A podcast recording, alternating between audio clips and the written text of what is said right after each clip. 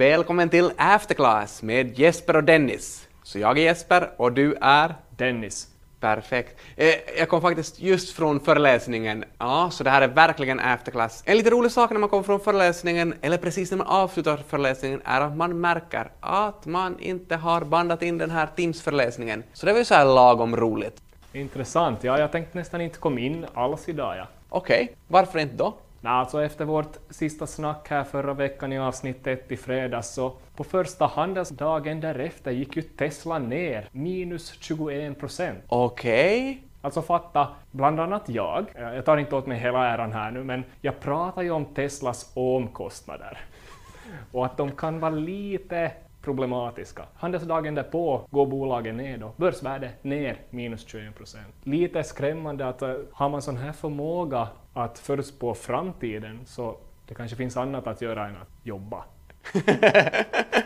Ja, så du påstår att det kanske finns andra saker att göra än va- vara här på Hanken. Jag blir lite sån här bedrägerihumör idag faktiskt. Och vi talade om Tesla förra veckan och vi talade också om Volkswagen. Och Volkswagen hade ju den här dieselskandalen för några år sedan. Ja, just det. Finns det några andra tyska skandaler? Och andra tyska skandaler. Hur långt tillbaka i tiden tycker du jag ska gå? Ja, du behöver inte gå 70 år tillbaka, utan hände något i, i år. I år är det faktiskt så att det största bedrägeriet som har nystats upp är förmodligen tyska Wirecard. Vad är det för någonting? Så det här var väl ett bolag som hade hand om transaktioner mellan olika typer av webbshoppar och konsumenten, som en mellanhand. Okej, jag tror jag fattar att då jag shoppar någonting online så på kreditkortsfakturan så står ju typ Klarna eller någonting sånt. Det är den som har varit mellanhanden då som har skött till att betalningen har kommit från kunden till företaget. Om man ska förstå det här Wirecard, så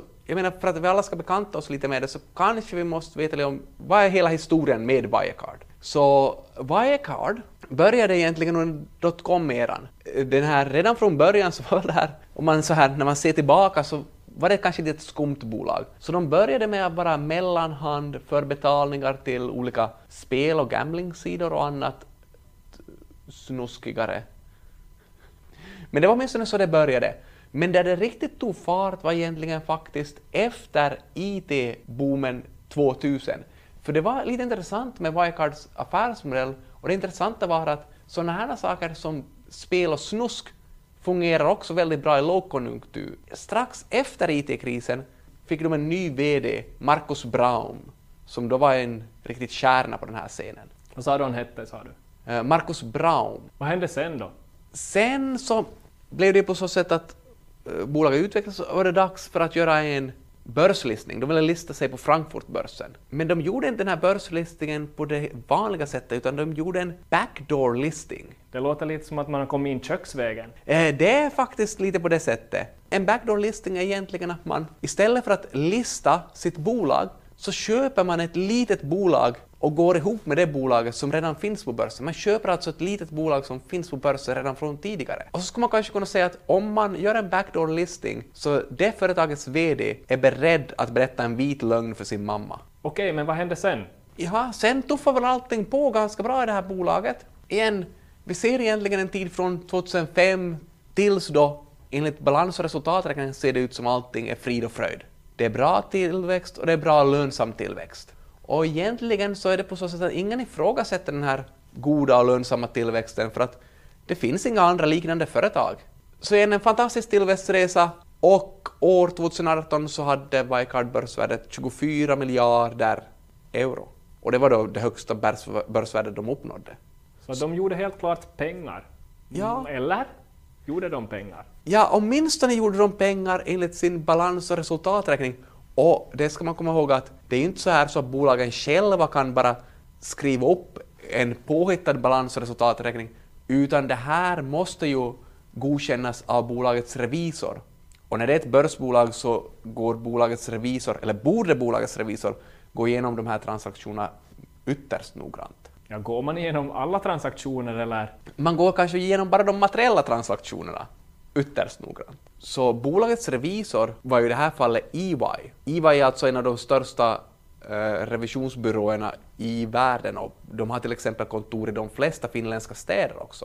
Och det var ju inte så heller att det här var EY bara hade godkänt det här bokslutet en gång, utan de hade ju godkänt det flera gånger. Så på pappret, allting ser bra ut.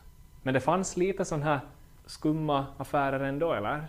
Var det Financial Times började visst gräva också? Ja, det är igen en sak som jag alltid har tyckt har varit konstigt med fraud, eller med bedrägerier, är att trots att de här revisorerna har en uppgift att granska de här eh, resultat och balans, eh, eller granska de här boksluten, så känns det som att när något sånt här nystas upp så börjar det faktiskt från gammal hedlig grävande journalistik. Och i det här fallet kom det från Financial Times. Så Financial Times misstänkte att det var någonting fel, med den här skribenten på Financial Times misstänkte att det var någonting fel.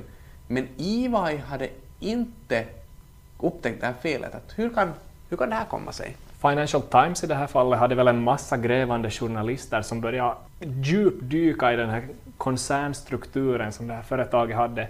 Och de kom väl fram till egentligen något sånt här att man, hade, man stod på tre ben. Man var baserad i München, Irland och Dubai. Sen hade man verksamhet världen över och skötte sådana här betalningar. I alla länder hade man dock inte licens att operera som en sån här bankliknande företag. Så att i länder som Filippinerna, Singapore, främst Asien, så skötte man all business via sådana här tredjepartsföretag. Och det betydde egentligen det att det var svårt att se utifrån in i de här tredjepartsföretagen. På vilket sätt kunde revisorn då granska de här tredjepartstransaktionerna? No, revisorn kunde ju gå in till Wirecard och säga hur mycket pengar finns i Filippinerna och då kunde Wirecard ta fram lite dokument som visar att jo, i Filippinerna finns två miljarder euro. Men så vad är alltså skillnaden här? Vad var det som Financial Times-reporterna gjorde som EYs revisorer inte gjorde? Alltså i det här fallet så tog EY ganska för givet då att yes, de där pengarna finns där. Financial Times-reportrarna verkar ha tagit en annan approach och rest till Filippinerna. Kolla upp den här adressen där Wirecard borde ha sitt, äh, sin högborg och for till den adressen. Väl framme vid den adressen hittade de en eh, fiskare med sin familj som var lite frågande. Kanske han lät så här då de frågade är det du som är Wirecard? Anong ibig mong sabihin? Okej, okay, vad va, va betyder det där? Det betyder vad menar du på filippinska? Och det tror jag fiskaren sa. Låter, låter inte fiskaren lite kvinnlig? Ja, okej, okay, kanske det var frun som, som svarade i dörren. Suveränt. Summa summarum, om vi bara tänker det här hela fallet mer från var det var i, i början på året, så enligt balansräkningen, hur mycket likvida medel skulle Wirecard ha? Om man bara tänker på Filippinerna så stod det där att där borde finnas två miljarder euro. Okej, okay. och det som hände nu var alltså att Financial Times, reporterna påstod att det verkar vara något skumt med den här balansräkningen och de ville då att ett annat revisionsbolag, KMPG, skulle ta en titt på Wirecard. Ja, det är väl KPMG det är svårt att få akronymerna rätt här. Jo, man kontaktar KPMG för en sån här specialrevision. Och de i princip konstaterar att nej, hörni, pojkar och flickor, två miljarder euro finns inte i Filippinerna. Vi vet inte riktigt var pengarna finns heller, om de någonsin har funnits. Huvudsaken är nu i alla fall att de är borta. Eh, vad händer på aktiemarknaden när man får reda på att två miljarder är borta? Ja, om man går in på Google och skriver Wirecard stock så får man se en ganska brant kurva nedåt. Om man kollar då på, på år 2018 så där var värdet 24 miljarder euro. Kollar man idag så är värdet 100 miljoner euro. Ganska naturligt alltså att då eh, alla investerare märkte att KPMG hade sagt att 2 miljarder euro är borta från balansräkningen. Det här motsvarar, tror jag, en fjärdedel av Wirecards balansräkning. Så om en fjärdedel är borta så väcker det ju en massa andra frågor. Och i det här fallet väcktes väl frågan att kan vi lita på någonting? Men finns det inte några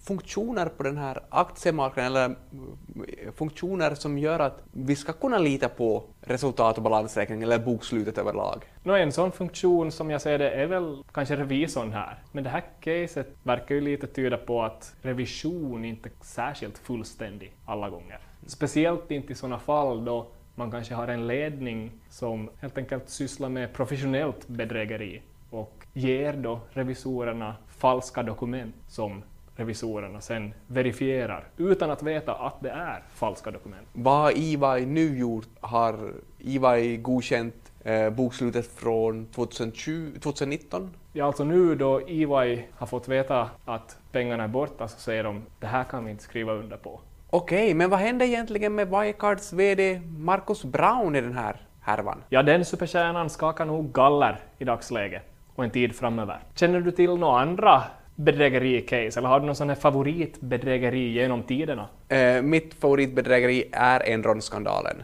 Så nu pratar vi tidigt 2000-tal och vi har personer med som Jeff Schilling, Ken Lay och på tal om att skaka galler så skakar de väl ännu också galler. Okej, men berätt mer, berätt mer. Jag tror inte vi tar det idag, men det du kan göra är gå in på Youtube och söka upp dokumentären Smartest Guys in the Room.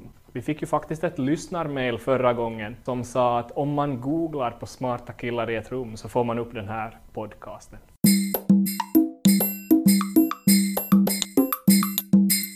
Okej, vi hade Wirecard i Tyskland och Enron är ett amerikanskt, eller var ett amerikanskt bolag. Alltså är det bara de här länderna som sysslar med sånt här bedrägeri? Nej, alltså jag skulle säga att bedrägerier sker väl lite här och, och var. Så säg ett land. Italien.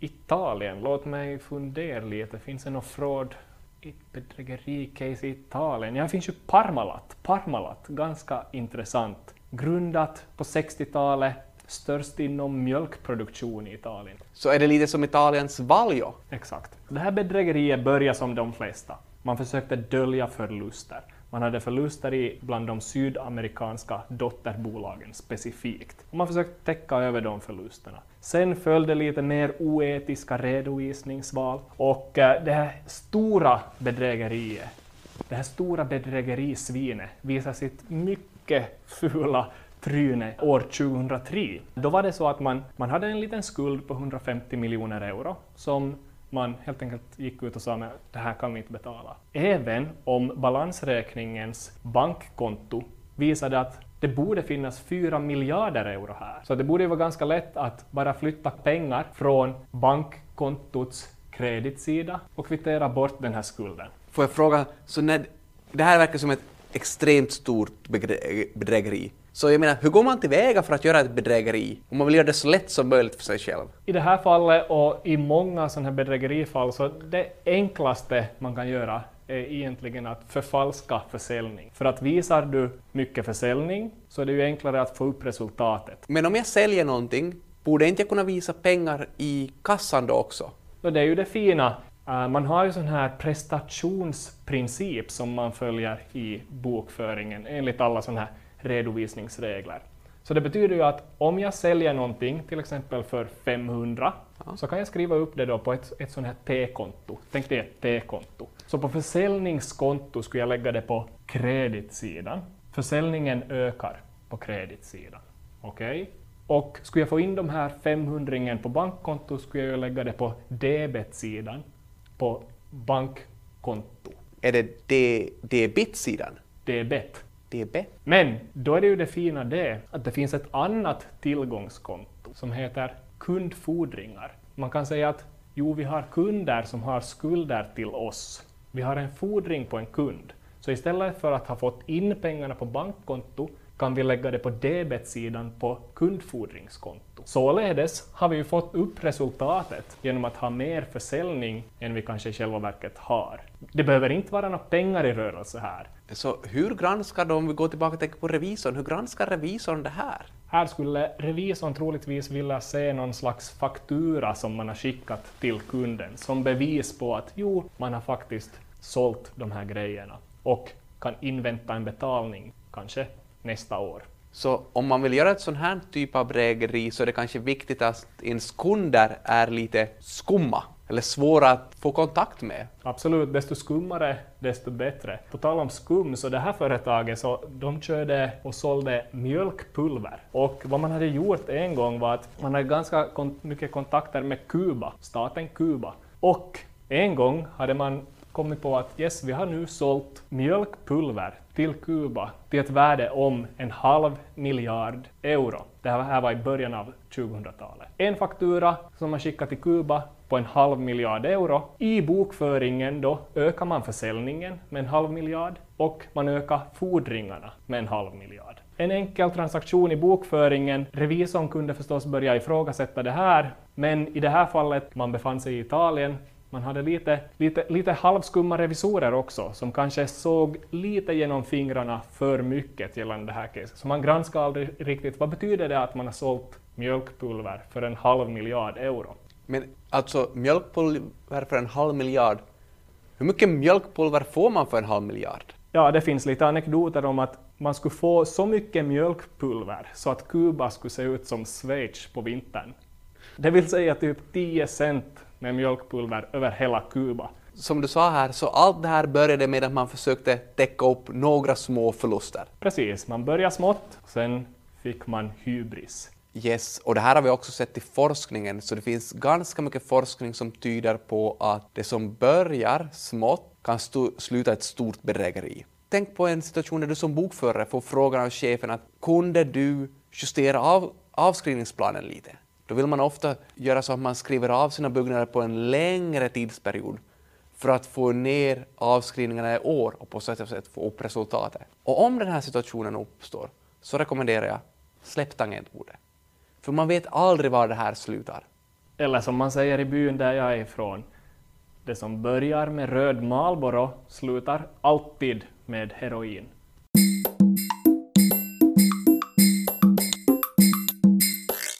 Oj, du tog byn här, så har vi några lokala case?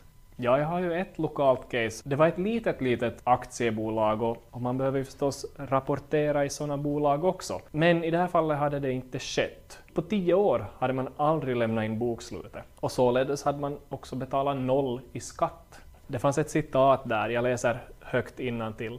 Jag trodde inte att man behövde rapportera förluster. Slutcitat. Tror den här personen att man inte måste rapportera in förluster?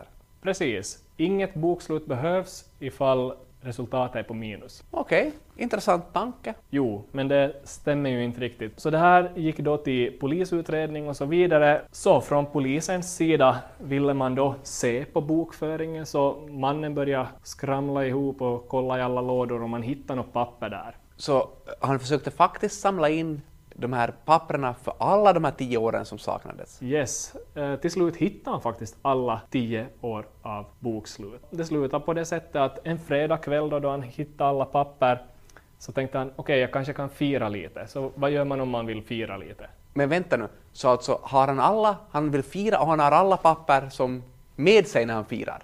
Ja, alltså han sitter vid köksbordet, har mapp 1, mapp 2, mapp 3, upp till 10 och så vidare de tio senaste åren och så har han tagit fram en flaska Koskenkorva. Oho, han firar, firar med stil. Han firar med stil och tänkte att jag tar mig en liten skvätt, en liten hutt, eftersom jag nu har hittat alla bokslut. Jag kommer att bli en fri man, frikänd från alla anklagelser. Jag går med det här till polisen imorgon. Hur tror du det gick? Ja, kanske han gick med papperna till polisen på morgonen. Uh, dessvärre, så just då han skulle ta den här första hutten så slog han till med armbågen den här öppnade Koskenkorva-flaskan och spillde helt enkelt ut hela flaskan över alla samtliga mappar. Okej, okay, okej, okay. men kanske han måste ju torka upp det på något sätt? Ja, lyckligtvis hade han tänt en brasa den här fredagskvällen och tänkte att okej, okay, What if jag försöker torka upp de här pappren lite genom att föra dem lite närmare brasan? Och hur är det är alkohol lättantändligt eller inte? Det finns väl nog en risk att det börjar brinna? Det blev en lite smärre katastrof här nu och den här torkningsmetoden är kanske inte att rekommendera, speciellt inte för bokslut, för att de brann upp helt enkelt. Alltså, är det här en sann historia? Ja, absolut. I alla fall enligt den här mannens utsago. Men eftersom papperna och boksluten inte fanns så fann nog rättegången honom skyldig till bokföringsbrott.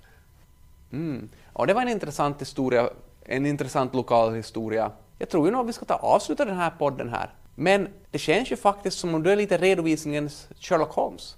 Ja, elementär observation, Dr. Haga.